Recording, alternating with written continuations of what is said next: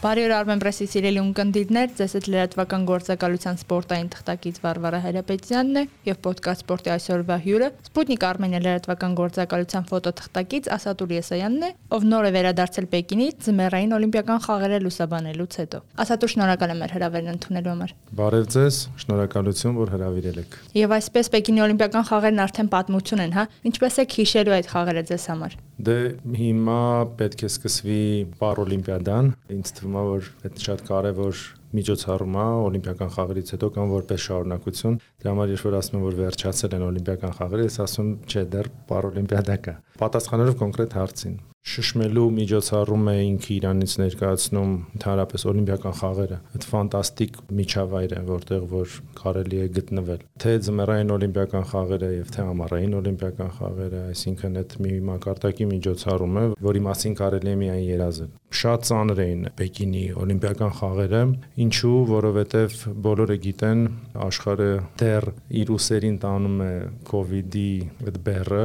ու բնական է, որ նմանատիպ մեծ միջոցառումները չեն կարող շրջանցել լիքը խնդիրներ։ Ու ծանր էր նրանով, որ առանց այն էլ տարածությունները մեծ են ու կ ូវ իդի պատճառով դու շատ հաճախ այդ տարածությունները ավելի դժվար է իրանցնում, քան պիտի անցնեիր։ Դրանով ծանրություններ, կարելի ասել, այս օլիմպիականի։ Դե Տոկիոում էլ կար այդ ամեն ինչը, բայց այդքան դժվար չէր, ինչքան որ Պեկինում էր։ Ну ամենայն դեպս ինձ համար էլի։ Ասած որ ո՞րն էր այն դժվարությունը, հա, օրինակ Տոկիո Օլիմպիական խաղերին միասին ենք, մենք ունենք այդ թեթևակի ազատ տեղաշարժը, արդյոք այդ խնդիրը ունենք այնտեղ տեղաշարժվելու։ Այո, խնդիր էր, օրինակ, եթե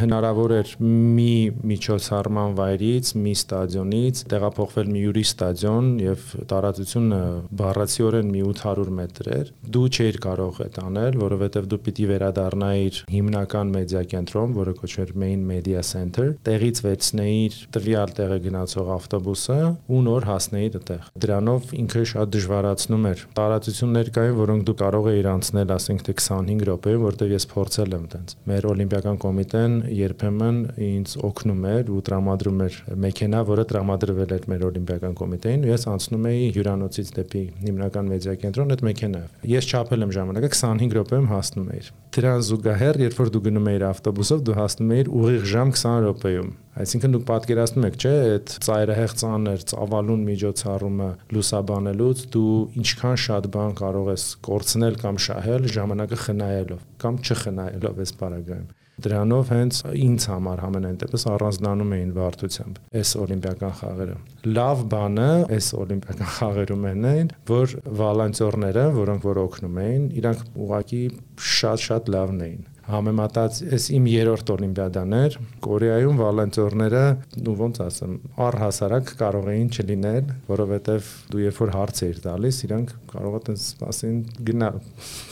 Իսկ Տոկիոյում շատ հաճախ փորձում էին օգնել, բայց իրանք տեղյակ չէին, թե ոնց օգնեն, ու այդ էլ ահագին ժամանակ էր խտում։ Իսկ Չինաստանում, եթե նույնիսկ կար լեզվի խնդիր, բոլորի հեռախոսների մեջ հավելվածներ կային, որոնք շատ լավ աշխատում էին, ու հավելվածները չինարենից շատ հանգիստ թարգմանում էին անգլերեն եւ հակառակը, եւ վոլոնտյորները մինչեւ քեզ չէին օգնում, հանգիստ չէին թողնում։ Այսինքն անհնար է դու մոտենայիր մի վոլոնտյորի ու ինչ որ մի հարց տայր կամ խնդրեիր որ ինքը քեզ օգնի ու այդ օգնությունը դու չստանայիր։ Այդ առումով ստեղի վոլոնտյորները շատ լավն էին։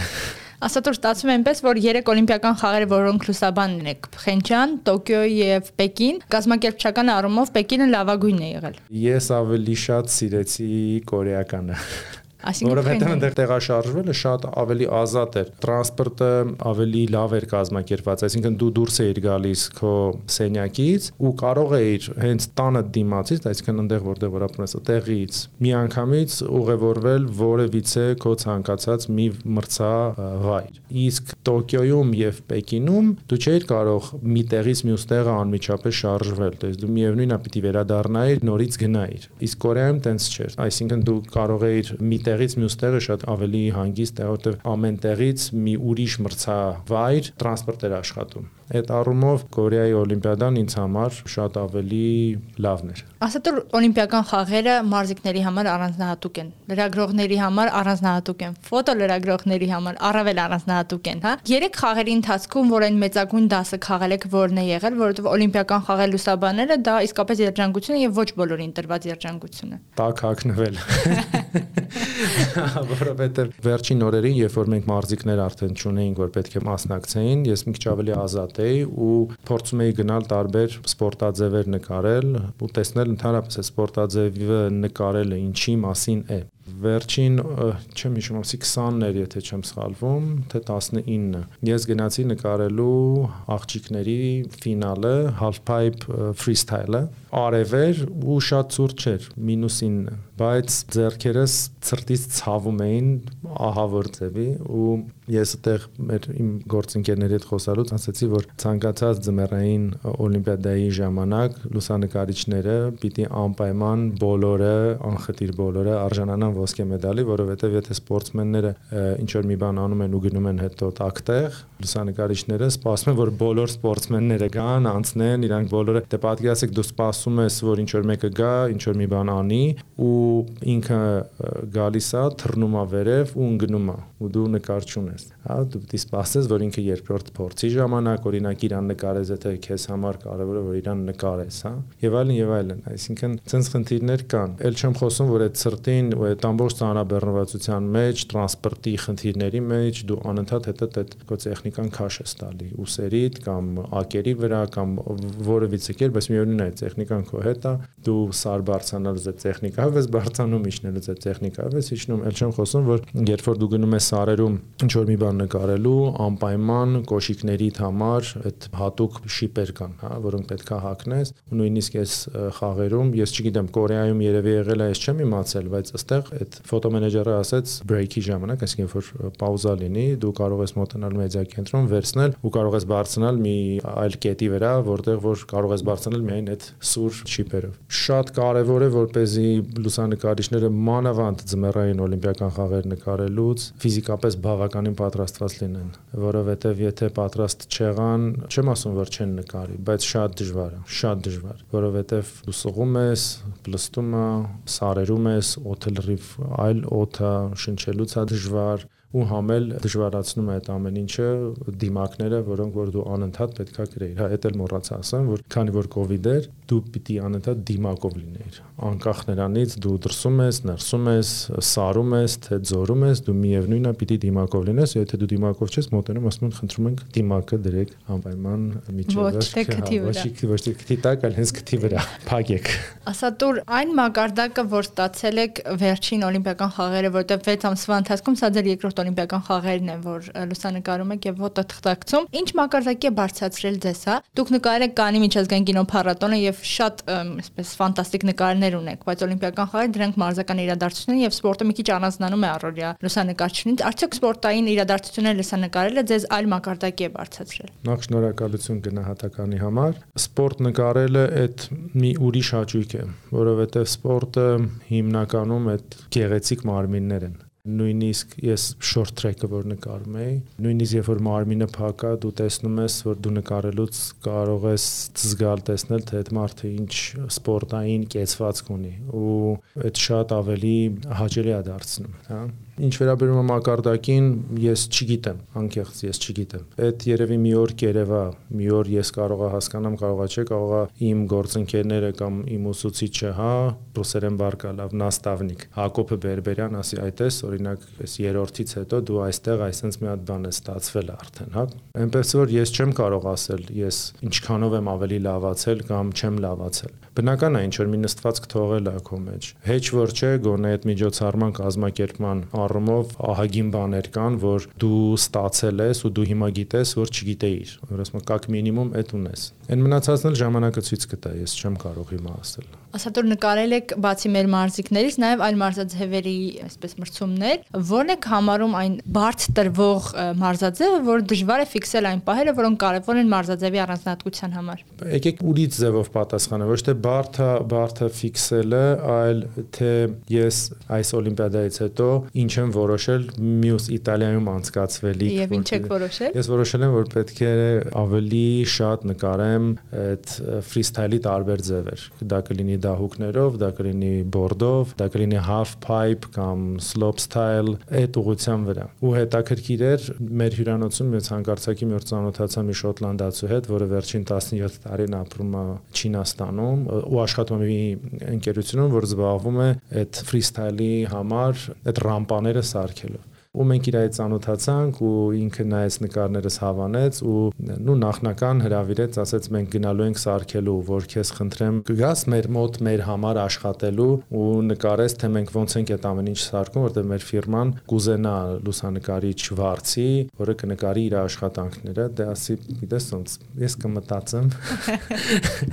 Չէ, իհարկե, ասեցի դե զանգեք, կոնտակտներս տվեցի, հույս ունեմ, որ կզանգեն կամ ինչ որ ձևով կկապնվեն, որովհետև ես շատ ուզում եմ, որտեղ շատ շատ դրամատիկ նկարներ կան, իրանք գիշերները աշխատում են ցրտին, քամուտակ ու ես շատ կուզենամ ինքս էլ հայտնվեմ այդ սիտուացիայում, որտեղ իմ համար շատ լուրջ մարտահրավեր է Ասատոր ճիշտ 6-7 ամիս առաջ միասին Տոկիոյում էինք եւ լուսաբանում էինք ամառային օլիմպիական խաղերը, այնտեղ մեր մարզիկները շատ էին, մեր սպասումները շատ ավելի շատ էին։ Հիմա, երբ որ արդեն երկուսն էլ ինչ որտեղ անցյալում են, դժվար եւ սпасելի էր ձմեռային օլիմպիական խաղերը, թե առավել հաճույք ստացել եք ձմեռային խաղից։ Ամառային թե ձմեռային։ Ամառային թե ձմեռային չեմ կարող ասել, որ խաղերն են ավելի լավը։ Երկուսն էլ ավելի լավն են, լուրջ, որովհետև այստեղ ինձ համար ավելի կարևոր չեն այս խաղերը կամ ավելի կարևոր չեն մյուս խաղերը։ Ինձ համար շատ կարևոր է լուսանկարչությունը։ Դրա համար միևնույնն է որտեղ։ Իհարկե, ամեն մեկն էլ ամեն մի ձևն էլ, հա, ձմեռային կամ ամառային, եթե տենց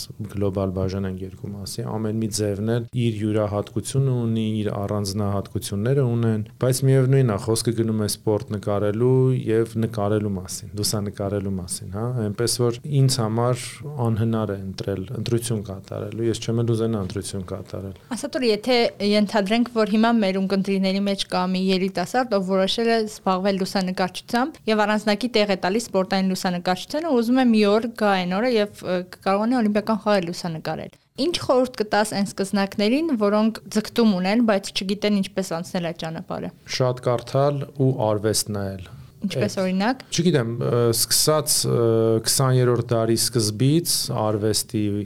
որևիցե մի ուղություն, հա, ասենք կամ թեկուզ ասենք միջնադարյան արվեստից ցանկացած բան։ Այսինքն խնդիրը որն է, որ այդ վիզուալ ինֆորմացիան, որը որ մեր ուղեղը ստանում է դրսից, հա, հնարավորինս բազմազան լինի ու շատ։ Իսկ կարդալը օգնելու է, որ դու այդ մի փոքր կամ մի նկարի մեջ կարողանաս ստեղծես պատմություն, որովհետև իրականում դու մի նկարով պատմում ես միգուցե ինչ որ մի գիրք, մի ամբողջ գիրք կամ մի ամբողջ 4 տարի, որին պատրաստվել է մարզիկը հա որովհետև անպայման չէ որ մարզիկը օթում ինչ որ մի ֆիգուր անելուց լինի անպայման չէ որ մարզիկը հաղթի որ դու այդ պատմությունը սարքես հա կամ ցույց տաս հնարավոր է որ այդ մարզիկը պարտվի ու քո պատմությունը լինի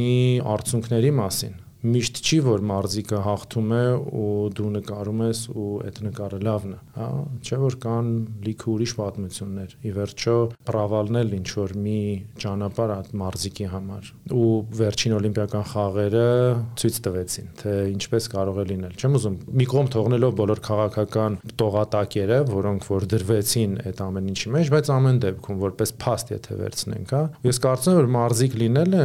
հենց տենց նման դեպք դեպքերում է երևում, թե ինչպես օրինակ տվյալ մարզիկը, որ որ այսօր պրավալա ունեցել, որ որ այսօր պարտվել է կամ չի զբաղեցրել իր ուզած հորիզոնականը, ինչպես կհասնի իր ուզած հորիզոնականին կամ ինչ ճանապարհ կանցնի իր ուզած հորիզոնականը գրավելու համար։ Ու բազմաթիվ են նման պատմություններ։ Ասատուր հաջորդը Փարիզի 24 թվականի օլիմպիական խաղերն են։ Այո, հուսամ։ Շնորհակալ եմ բազմաբովանդակ զրույցի համար, հաջողություններ եւ նորանոր լավ կադրեր։ Շնորհակալ եմ, ձեզ էլ հաջողություններ։